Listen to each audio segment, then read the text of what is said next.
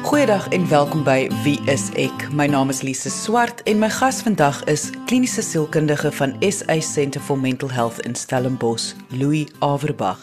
En ons gaan vandag gesels oor ons, dis nou die mens se fascinasie met die donker deel van die lewe. En kom ons wees nou maar eerlik. TV-reekse, films, die nuus en sosiale media ons hou daarvan of ons lees graag met graagte stories oor reeksmoordenaars, oor sadisme, oor gruisame moorde. Nie omdat ons daarmee saamstem nie, maar dis juis wat ons vandag oor gaan gesels. Wat is die fascinasie met hierdie donker deel van menswees? Indien jy enige vrae het, onthou jy kan ons kontak deur ons webwerf by www.wieisek.co.za. Maar kom ons luister nou eers na my gesprek met kliniese sielkundige van Stellenbosch, Louis Averbag oor ons fascinasie met die donker deel van die lewe. Louis, as ons dan nou vandag verwys na ons gaan praat oor ons fascinasie oor die donker deel van die lewe. Kan ons miskien net identifiseer wat presies is die tussen aanhalingstekens donker deel van die lewe. Beteken seker maar verskillende goed vir verskillende mense, maar ek dink dit verwys oor die algemeen na die monsteragtigheid wat deel is van die mens se kultuur. Reekse, films, materiaal oor sê nou maar reeksmoordenaars of massamoordenaars. Gewone thrillers misdaadrillers wat geweldig gewild is, die werk van Dion Meyer ensovoorts ensovoorts. Mens sal sekerlik daarna kan verwys as eh, stories, verhale, dokumentêre opskrywings, vertellings oor dit wat mense doen wat ander mense nie doen nie, wat so half gevaarlik is of verkeerd is en wat veral taboe is. Dit is 'n geweldige taboe onderwerp. Nou wil ek amper dink ek die groot vraag van die dag wil ek sommer nou al vra, maar wat is ons fascinasie daarmee? Is ons is dit uit ons vrees daarvoor? Kyk, ons moet net eerstens besef dat dit is eintlik half normaal uh dat ons gefassineer is met dit, né? Nee, want dit is mos interessant. Dit is anders as die gewone. So om gefassineer te wees met uh die kom ons sê die donker deel van die lewe as ons dit kan doen of die monster deel van die lewe. Ons is geprogrammeer om nie te kan wegkyk vir 'n padongeluk nie. Daardie treinongeluk, ons ons kan nie ophou staar daarna nie. En dit is 'n ingeboude vooroordeel wat ons as mense het. Ons noem dit die negatiewe vooroordeel dat ons breine tel baie makliker op dit wat verkeerd is as dit wat alledaags is. Jy merk nie die kruising by die treinspoor op as daar niks aangaan nie, as dit maar net is soos wat dit elke dag is nie. Maar as daar 'n ongeluk is, kan ons nie wegkyk nie. En daar's ook nie noodwendig iets verkeerd nie. Daar ek dink daar's baie redes daarvoor en ons kan nou 'n bietjie op die redes ingaan. Hoekom dit vir ons so fascinerend is. Maar dat dit vir ons fascinerend is, is 'n feit.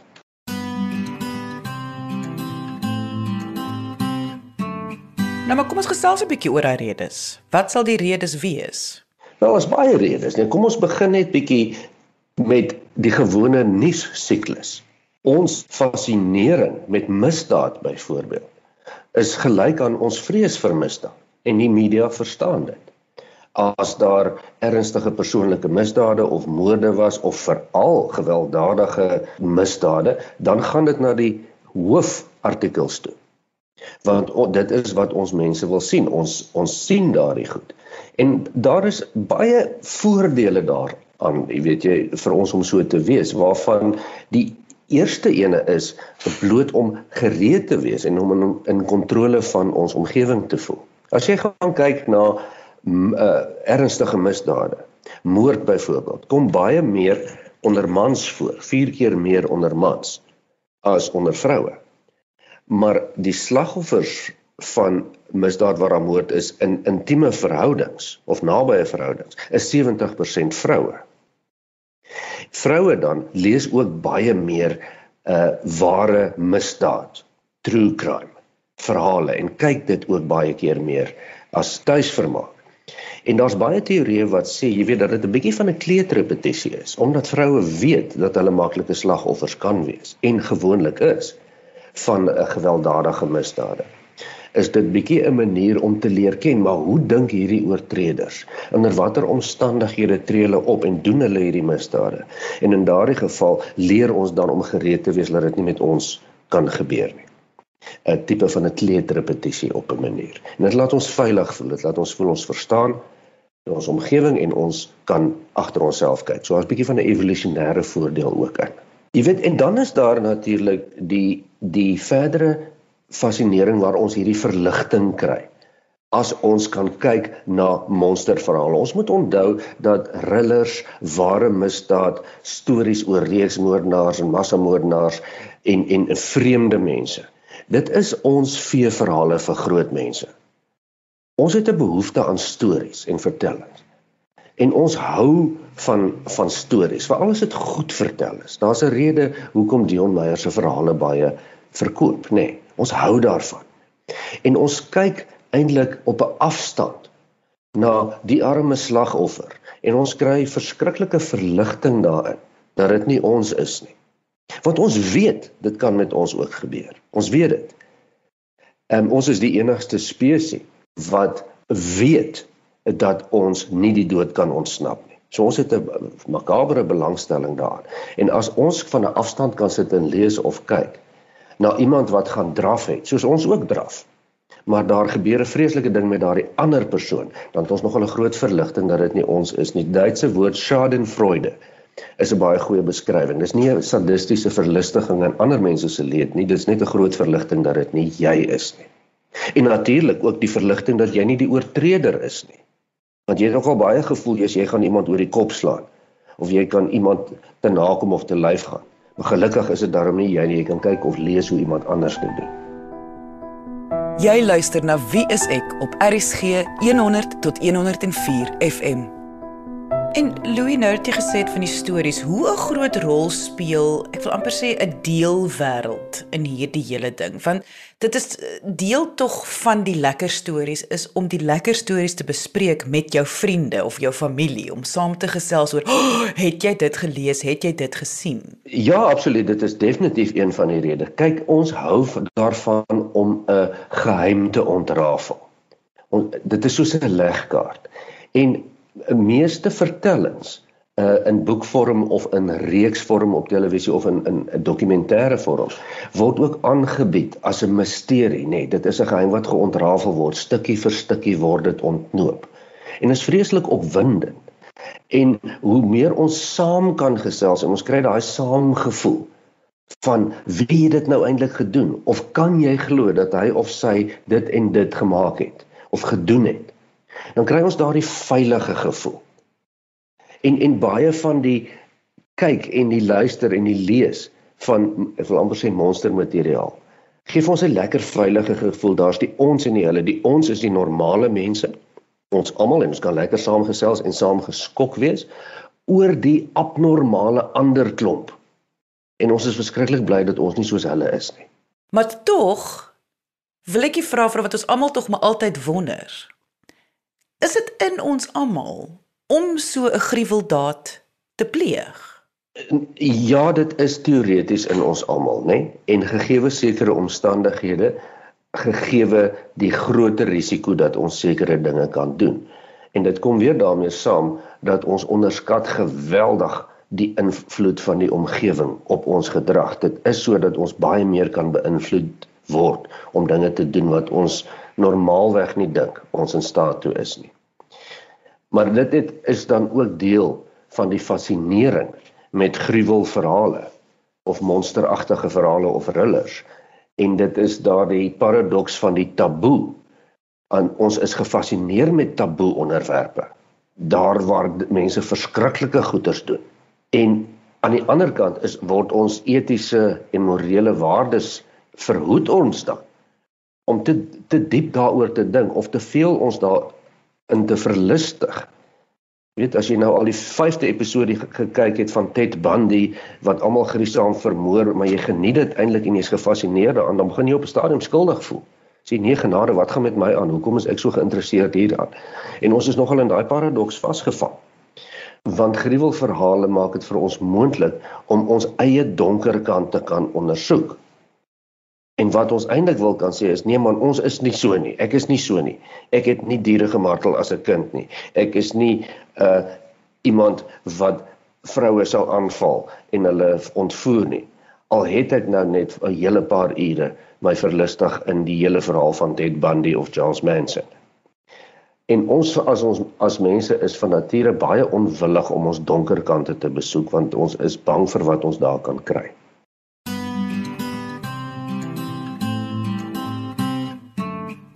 So dit gaan oor daai ewige vergelyking met ander mense. Ons is die heeltyd besig om onsself te vergelyk en as jy nou sien vir kos vat net maar vir arme Ted Bundy weer as 'n voorbeeld, dan is dit daai sjoe, dankie tog, dis nie ek nie. Dankie tog ek is nie soos Ted Bundy nie en ek wil alles weet van Ted Bundy net om seker te maak dat ek of my man of vrou is nie so Ted Bundy nie.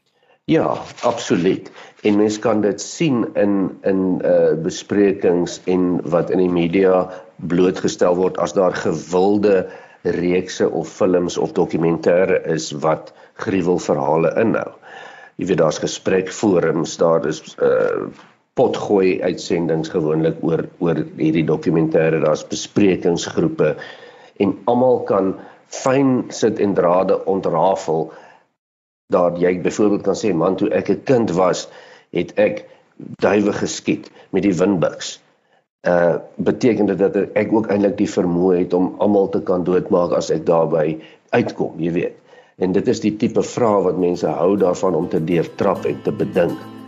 Um, om sodoende gerus te raak oor hulle eie donker kant ook.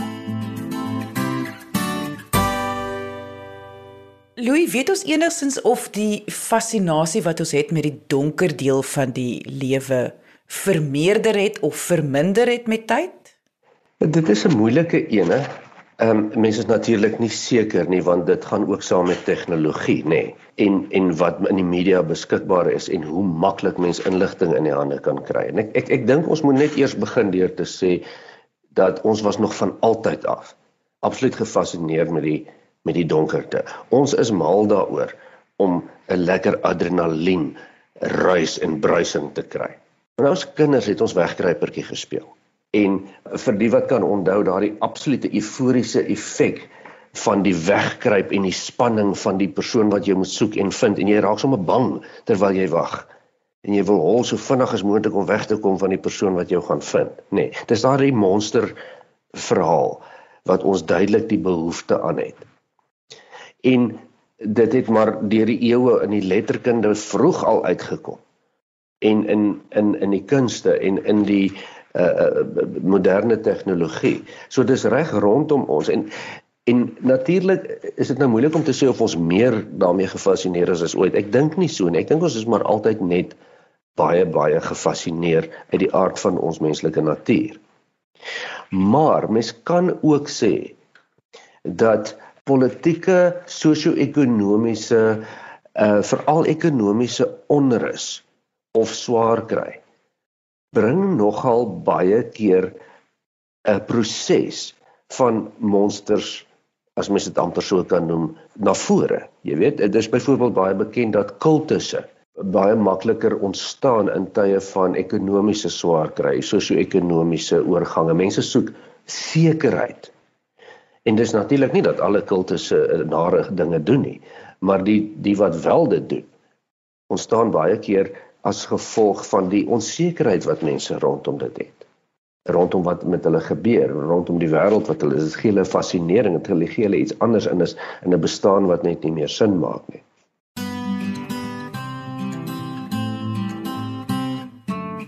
Voel jy nie as kliniese sielkundige die feit dat daar so 'n uh, 'n uh, aanslag wil ek amper sê van stories deesdae is. Dis nie net in die nuus nie. Dis nie net die pandemie nie, dit is ook wat mense nou sien in reekse en films want dit is so gewild dat hierdie aanslag kan dit nie 'n negatiewe effek hê op mense nie, dat dit te veel kan raak nie. Ja, die vraag is te veel vir wat? Raak dit te veel en wat gebeur dan? Eh uh, mens moet ook omgekeerd daarna kyk dit wat beskikbaar is vir mense om hulle in te verlustig gruwel moord doodslag wat dit ook al mag wees is maar 'n refleksie van wat die behoefte is die media en die en die uh vermaaklikheidswêreld sal dit nie aanbied as dit nie so sterk behoefte was nie. En ek dink geïmpliseer in wat jy vra is as mens nou heeldag kyk na dokumentêre oor Charles Manson, is dit nie sleg vir jou nie. Wel, dit hang af, nê? Nee, jy weet jy uh, sleg vir wat? Jy gaan tog nou nie soos Charles Manson raak as jy heeltyd goed oor hom kyk nie. Ek nie sommer nie. Natuurlik sal mens sê as jy soos met enige iets anders jou belangstellings of of jou tydverdrywe of jou fascinerings 8 ure 'n dag daaraan spandeer en en die res van jou lewe uit balans laat, dan natuurlik is dit sleg vir jou. Maar ek dink dit is die eeu oue debat uh as jy na gewelddadige dinge kyk of as jy videospeletjies speel of kyk na ware misdaad of thrillers of gruwels gaan dit nie maar in jou infiltreer en dan raak jy ook nou maar so nie. Daar's nie eintlik baie navorsing wat dit ondersteun nie, hoor. Soek jy 'n professionele persoon in jou area, gaan kyk op die WSE kontaklys by www.wsek.co.za. Dit bied tog 'n vorm van ontspanning en en te verkeerdelik wil ek nou sê pret ook soms. So dit moet tog seker 'n positiewe effek hê. Definitief. Ons het reeds gepraat van die proses waar jy dan die omgewing kan skandeer en jy kan kyk na al die naaste van die nare gebeurtenisse en as jy dit mooi kan verstaan en ontrafel en verpak en al die details daarvan kyk dan voel jy ook meer in beheer. Dan voel mens mens kan daarom leef in hierdie wêreld van monsters. So Louis sê jy met ander woorde dat eintlik is dit gesond vir ons om bewus te wees van hierdie donker deel van die menswees. Natuurlik. Natuurlik. Die groot probleem wat ons in die moderne samelewing in die gesig staar is die ontkenning van ons donker kante. En dit kom uit in ons manier van argumentering, jy weet. Uh, ek is reg en uh, iemand anders is verkeerd. Ons is reg, ander mense is verkeerd. Ons het nie 'n donker deel nie, dis hulle wat die donker deel het. Dit is hulle wat nie verstaan nie. Hulle is in die donker, ons is in die lig en dit werk nie so, so nie. En dis 'n baie dualistiese beginsel van donker en lig en ons het ons eie donker kant gevat. Toe ons nog grotmense was en oermense was en ons het om die vuur gedans en ons het uh rituele gehad en en en diere gejag en ons aggressies laat uitkom. Nou mag ons dit nie meer doen nie. En wat doen ons nou? Nou kyk ons maar veilig van 'n afstand af daarna en sodat ons dit darm bietjie kan ondersoek. En dit is gesond. Soos enige ander tema in mense lewe kan enigiets ook ongesond raak. Dit hang tog af hoe jy dit aanwend. Jessie Maloui, eh, jy weet sê net maar iemand is nou gister vermoor op 'n plaas en hier is nou vanoggend in die nuus en ons het almal nou gelees wat jy nou sê laat mense dan verskriklik skuldig voel.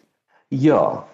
Maar mens moet ook die beginsel van Schadenfreude verstaan. Dit is glad nie 'n verlustiging in ander mense se leed nie. Maar ongelukkig is dit nou ook so dat gewilde beeldmateriaal of leesmateriaal fokus nie regtig so baie op die oorblewendes van slagoffers nie. Dit fokus baie op slagoffers en dit fokus baie op die gebeure en baie op die oortreders.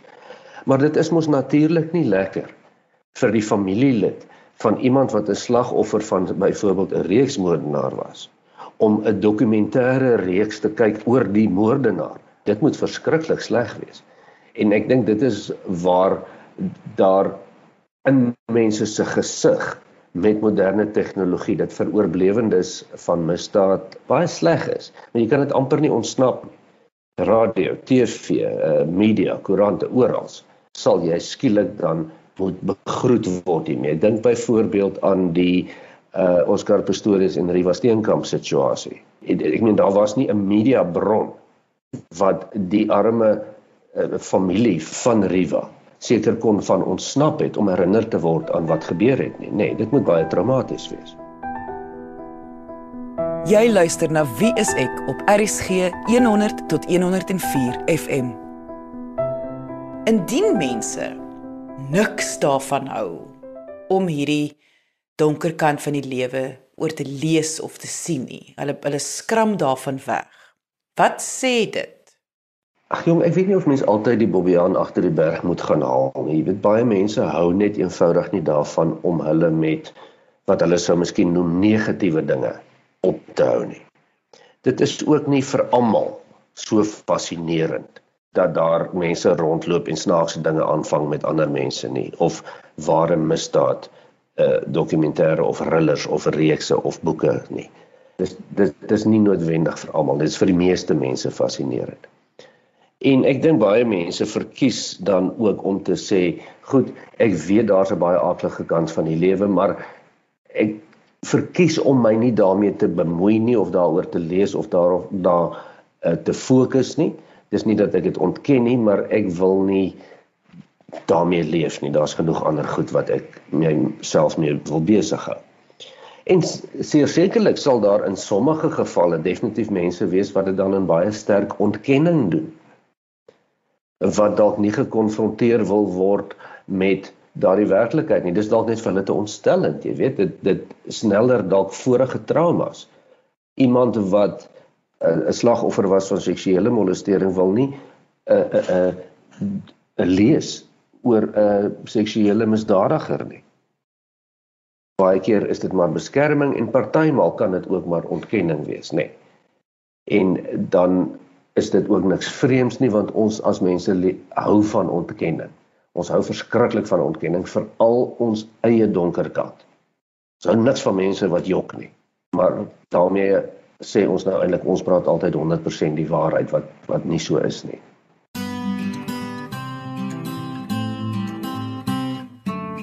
So wat ek hoor vandag Louis is dat ja, dit is menslik dat ons 'n fascinasie sal hê met die donker deel van die lewe en dat selfs al voel ons soms skuldig en ons is soms bewus van hoe hoe dit ons affekteer maak dit ons maar net mens en niks meer of niks minder nie.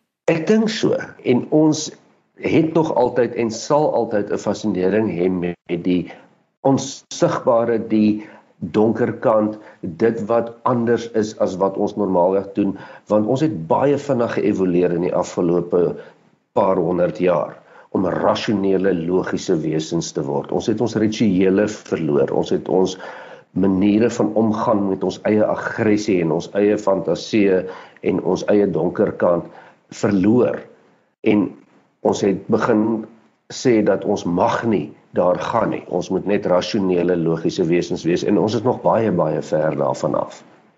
En tot dan sal ons maar gefassineer wees met verhale oor wat eintlik in ons almal is. En dit was kliniese sielkundige van SA Centre for Mental Health in Stellenbosch, Louis Averbag. Indien jy enige vrae het oor vandag se episode, kan jy ons kontak deur ons webwerf by www.wieisek.co.za of kom gesels saam op ons Facebookblad onder wieiseksa. Weksdae 9uur gesels ek live met medies professionele mense oor verskeie sielkundige onderwerpe en menslike gedrag op hierdie einste Facebookblad. Dit is Wie is ek se Facebookblad onder Wie is ek SA. So kom gesels saam en onthou dit is jou een kans waar jy verniete vraag kan vra vir 'n medies professionele persoon. So ons hoop om jou daar te sien. Dankie dat jy vandag ingeskakel het. Ons maak weer so volgende Vrydag 12:30 net hier op RSG. Jy moet 'n heerlike naweek hê en onthou, kyk mooi na jouself.